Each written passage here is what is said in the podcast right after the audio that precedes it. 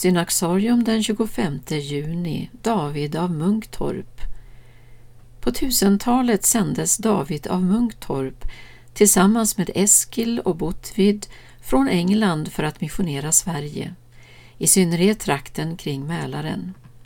Samtliga tre var munkar och vigdes till missionsbiskopar vid sin ankomst till Sverige. Davids mission tog sin utgångspunkt i Munktorp i Västmanland. Här berättas det att han gick om dagarna omkring i byarna och gårdarna, förkunnade Guds ord och omvände och döpte.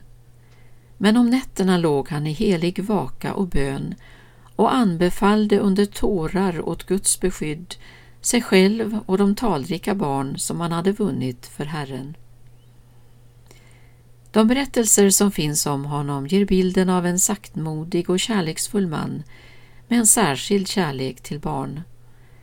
Genom ett mirakel hjälper han en liten pojke som svalt en nål och i en annan berättelse räddar han en pojke som suttit fast i en djup brunn i tre dagar. Vad faderlig och trofast vård, som det heter i en av texterna om honom. Till skillnad från många av sina medbröder bland missionärerna blev David inte martyr, trots att han många gånger orädd predikade i områden där fientligheten mot den kristna tron var stor. Han åldrades och med åren tilltog hans närsynthet och tankspriddhet. En dag när han stod i kyrkan hängde han ifrån sig sina vantar på en solstråle.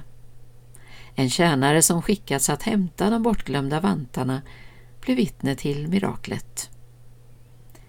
David byggde en kyrka i Munktorp i Västmanland och var också den första biskopen i Västerås.